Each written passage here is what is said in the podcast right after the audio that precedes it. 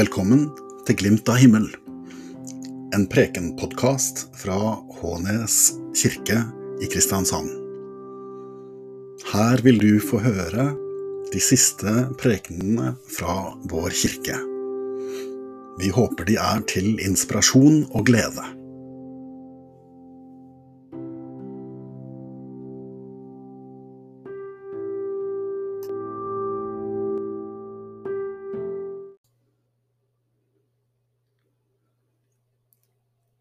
Evangelieteksten står skrevet hos evangelisten Matteus i det 26. kapittel. Mens Jesus var i Betania, hjemme hos Simon den spedalske, kom det en kvinne bort til ham med en alabastkrukke med kostbar salve. Den helte hun ut over hodet hans mens han lå til bords. Disiplene så det og ble forarget. Hva skal denne sløsingen være godt for, sa de. Salven kunne vært solgt for en stor sum, og pengene gitt til hjelp for de fattige. Men Jesus merket det, og sa til dem, Hvorfor plager dere henne? Hun har gjort en god gjerning mot meg. De fattige har dere alltid hos dere, men meg har dere ikke alltid. Da hun helte denne salven utover kroppen min, salvet hun meg til min gravferd. Sannelig, jeg sier dere, overalt i verden hvor dette evangeliet blir forkynt, skal også det hun gjorde, fortelles til minne om henne. Slik lyder Herrens ord.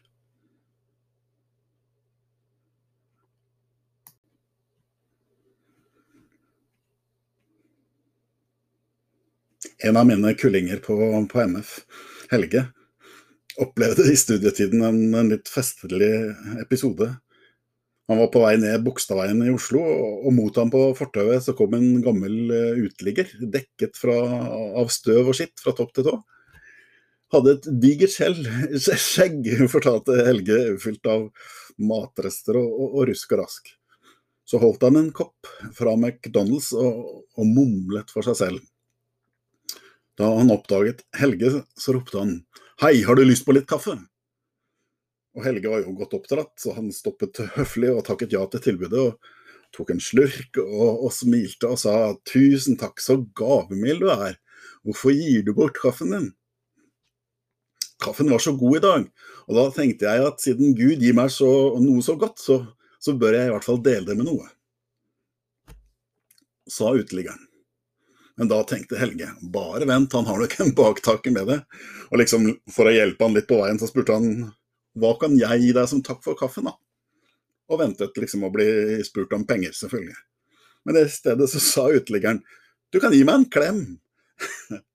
og i neste øyeblikk så ga uteliggeren Helge en skikkelig bamseklem og holdt rundt han så, som om han aldri ville slippe. det var en en sterk opplevelse for Helge, som han ofte fortalte. Ehm, og for meg så er det også en god illustrasjon på det, som, på det å liksom bli overrasket av godhet. For det er det preketeksten i dag også handler om. Jesus blir overrasket av godhet. Matteus forteller mens Jesus var i Betania, hjemme hos Simon den spedalske, kom det en kvinne bort til ham med en alabastkrukke med kostbar salve. Den helte hun ut over hodet hans mens han lå til bords. Markus og Johannes forteller også om denne episoden, så hvis vi holder de tre sammen, så virker det som om det er omtrent slik det skjedde. Det er lørdag kveld, kvelden før palmesøndag, Jesus er sammen med sine gode venner Lasarus, Martha og Maria i Betania, tre-fire kilometer fra Jerusalem. Bare noen få dager før dette hadde Jesus vekket opp Lasarus fra de døde. Lasarus var død og hadde ligget i graven i flere dager. Men Jesus kalte han ut av graven igjen og tilbake til livet. Og nå lå de side om side og spiste et måltid hjemme hos en annen av Jesu venner, Simon den spedalske. Vi vet ikke så mye om hvem Simon er, men siden festen var hjemme hos han, så må det bety at han ikke var spedalsk lenger, og at også han var blitt kalt tilbake til livet av Jesus. Kan du, kan du lukke øynene og på en måte se det for deg? Tenk deg stemningen som måtte være i dette rommet denne kvelden. Denne enorme lettelsen og takknemligheten og gleden som alle følte. Og da kommer kvinnen inn. Fra Johannes' versjon av det som skjedde, så vet vi at denne kvinnen er Maria, søsteren til Martha og Lasarus. Maria var en av Jesu nærmeste venner og disipler. Hun var den som frimodig satte seg ned ved Jesu føtter og slukte hvert et ord han sa, og lot Martha gjøre alt husarbeidet. For Maria æret Jesus som sin herre og mester. Hun, hun ville gi han hele sin fulle oppmerksomhet. Da fikk alt annet vente. Og nå kom hun, midt i måltidet, med bare én tanke i hodet. Hun ville vise Jesus hvor høyt hun satte ham, hvor høyt hun elsket ham, æret ham. Hun ville overraske ham med godhet. På samme måte som han hadde overrasket henne med godhet, ved å behandle henne med respekt, ved å inkludere henne i sin krets, og ved å reise hennes kjære bror opp fra graven.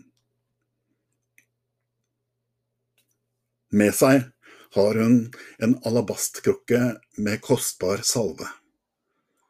Alabast er en vakker, gjennomsiktig edelsten.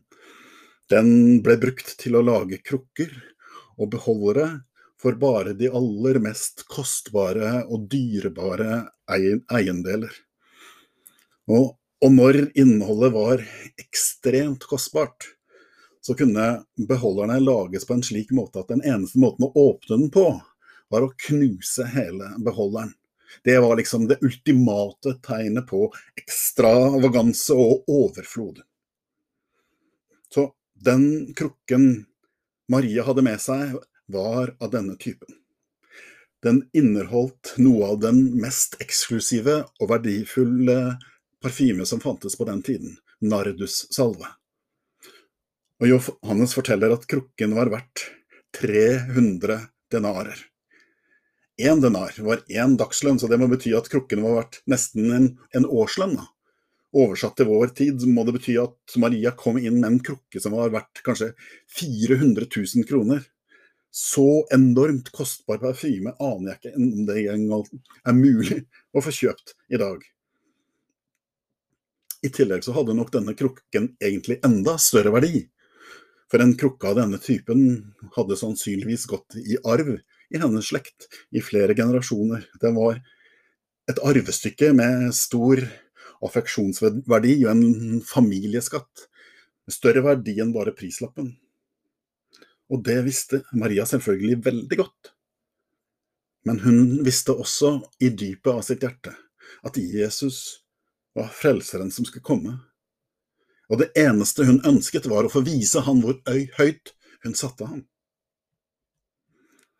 Hun knuste flasken over hodet hans og salven rant ned over håret, ansiktet og kroppen hans, og fylte hele huset med en deilig duft av parfyme.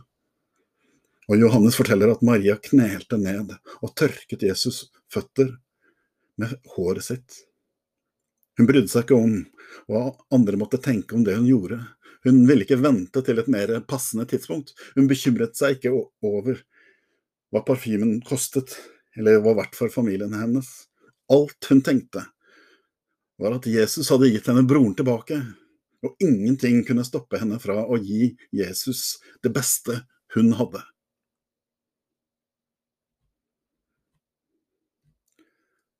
Disiplene så det og ble forarget, forteller Matteus.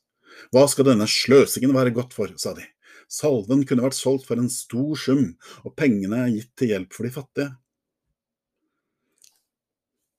Disiplene var også på festen hos Simon. Og da de så det Maria gjorde, ble de irritert. Hva i all verden er det hun gjør? Det er jo familiens arvestykke. Den er verdt 400 000. Hun har kastet bort alt sammen på Jesus. Hvorfor kunne de ikke bare tatt noen dråper? Tenk så mange du kunne mette med 400 000 kroner. Hun er jo helt gæren. Johannes forteller at det var Judas som sto i spissen for disiplenes surmuling denne kvelden. Han hadde ansvaret for disiplenes pengekasse og stjal fra den. Han ønsket altså å få mer i egen lomme. Derfor ropte han ut i protest da Maria helte salven over Jesus. De andre disiplene hadde nok ikke sånne motiver. De opplevde bare at det som skjedde var et fullstendig meningsløst sløseri.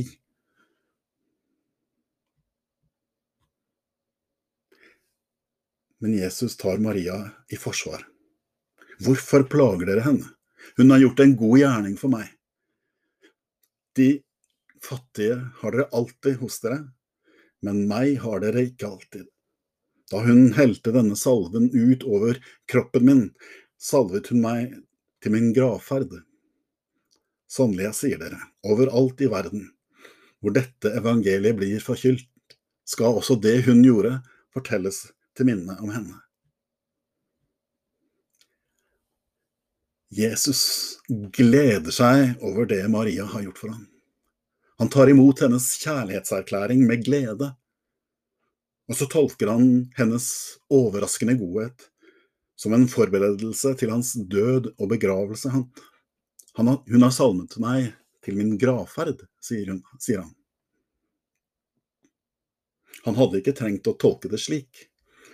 Faktisk kunne han like gjerne ha tolket det som et tegn på at hun ville krone han til konge. For det var jo den hva skal vi si, gamle tradisjonen som alle jøder kjente godt, at når en ny konge skulle velges, da salvet en av folkets ledere hodet til den nye kongen. Den jødiske kongetittelen Messias betyr jo nettopp den salvede. Hvis Jesus hadde villet, så kunne han ha tolket Marias salving som en invitasjon til å gripe makten i Israel og herske som konge. Det samme kunne han ha gjort dagen etter, på palmesøndag, da han rir inn i Jerusalem og blir tiljublet med de gamle hyllingsropene som han ropte til kongen. Hosianna, Davids sønn, velsignet være han som kommer i Herrens navn, Israels konge. Jesus kunne lett ha tolket disse signalene som en invitasjon til å innta kongetronen i Jerusalem og hive ut okkupasjonsvakten med soldater og sverd. Men ikke et eneste øyeblikk fristes Jesus til å tenke i den retningen. Ikke et sekund dveler han ved de mulighetene dette kunne gi. Han vet hva han skal gjøre. Han kjenner sin himmelske fars redningsplan.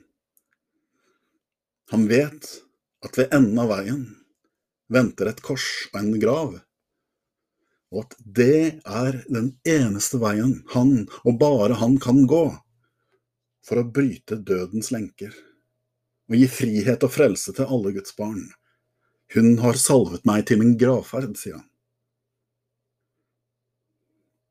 Men på veien mot korset og graven tar Jesus med glede imot Marias overveldende kjærlighetserklæring.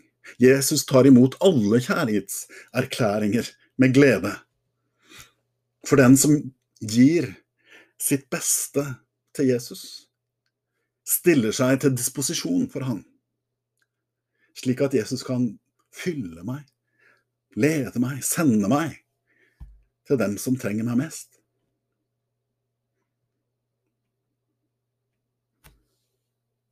Men da lurer jeg på Hva har du gjort for å vise din kjærlighet til Jesus? Hva har vært din kjærlighetserklæring til Jesus? La den tanken surre litt i hodet ditt.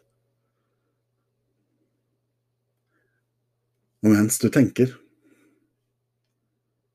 skal jeg bare dele med deg to glimt som, som jeg ser. Ikke av ting som jeg selv har gjort, men av ting som andre har gjort, og som jeg og mange med meg har fått glede av. Det første glimtet er min søndagsskolelærer. Da jeg gikk på barneskolen og bodde på Rognan i Nord-Norge, så var det en søndagsskolelærer i bygda som het Kirsten Hjemdal. Og hver eneste tirsdag, ikke søndag, men tirsdag, så samlet hun en stor flokk, barn, stor flokk barn, enten i kirka eller hjemme hos henne, for å fortelle om Jesus. Tirsdagsringen, kalt, ringen, kalte hun det. Og der var jeg med, og det tror jeg har hatt enorm betydning for min tro. For det var, liksom, det var noe helt spesielt med Kirsten. Hun hadde en sånn varm og god måte å, å være på, og snakke på. Og når hun fortalte fortellingen fra Bibelen, så strålte hun. Og så malte hun fortellingene for oss så levende og så virkelig med så flotte farger og bilder at jeg liksom bærer det med meg fremdeles som en skatt. Og på den måten så åpnet hun Bibelen og troen for meg og en hel drøss med barn i Salta. Og jeg er helt bombesikker på at hun gjorde det av ren kjærlighet til Jesus. Dette var hennes kjærlighetserklæring. Det andre glimtet mitt er Hånes menighet. Denne menigheten som jeg selv hører til og som består av mange mennesker som elsker Jesus, og som derfor raust har villet gi av sin tid, av sitt engasjement, sine krefter og sine penger for at denne kirken skulle leve og vokse.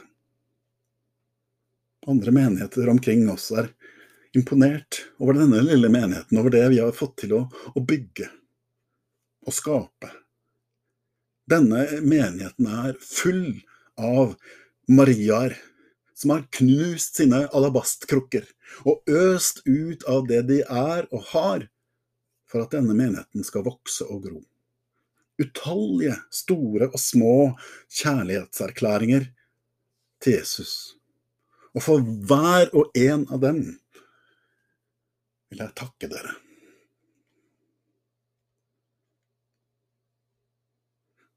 Og så vil jeg be dere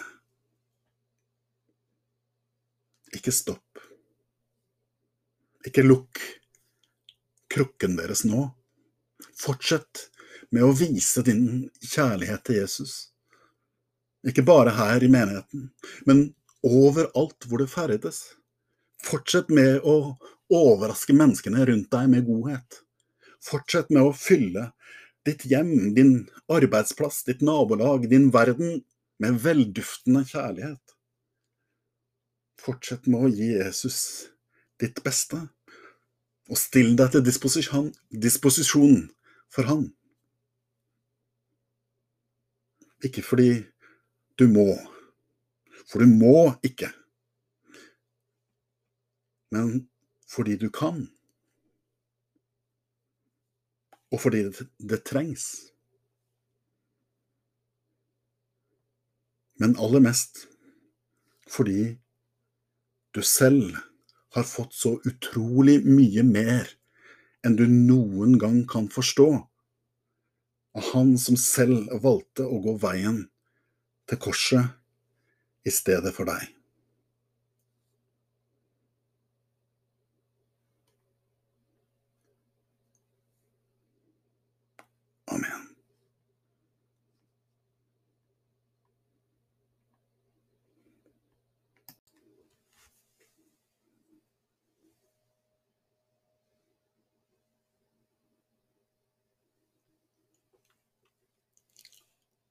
Herren velsigne deg og bevare deg.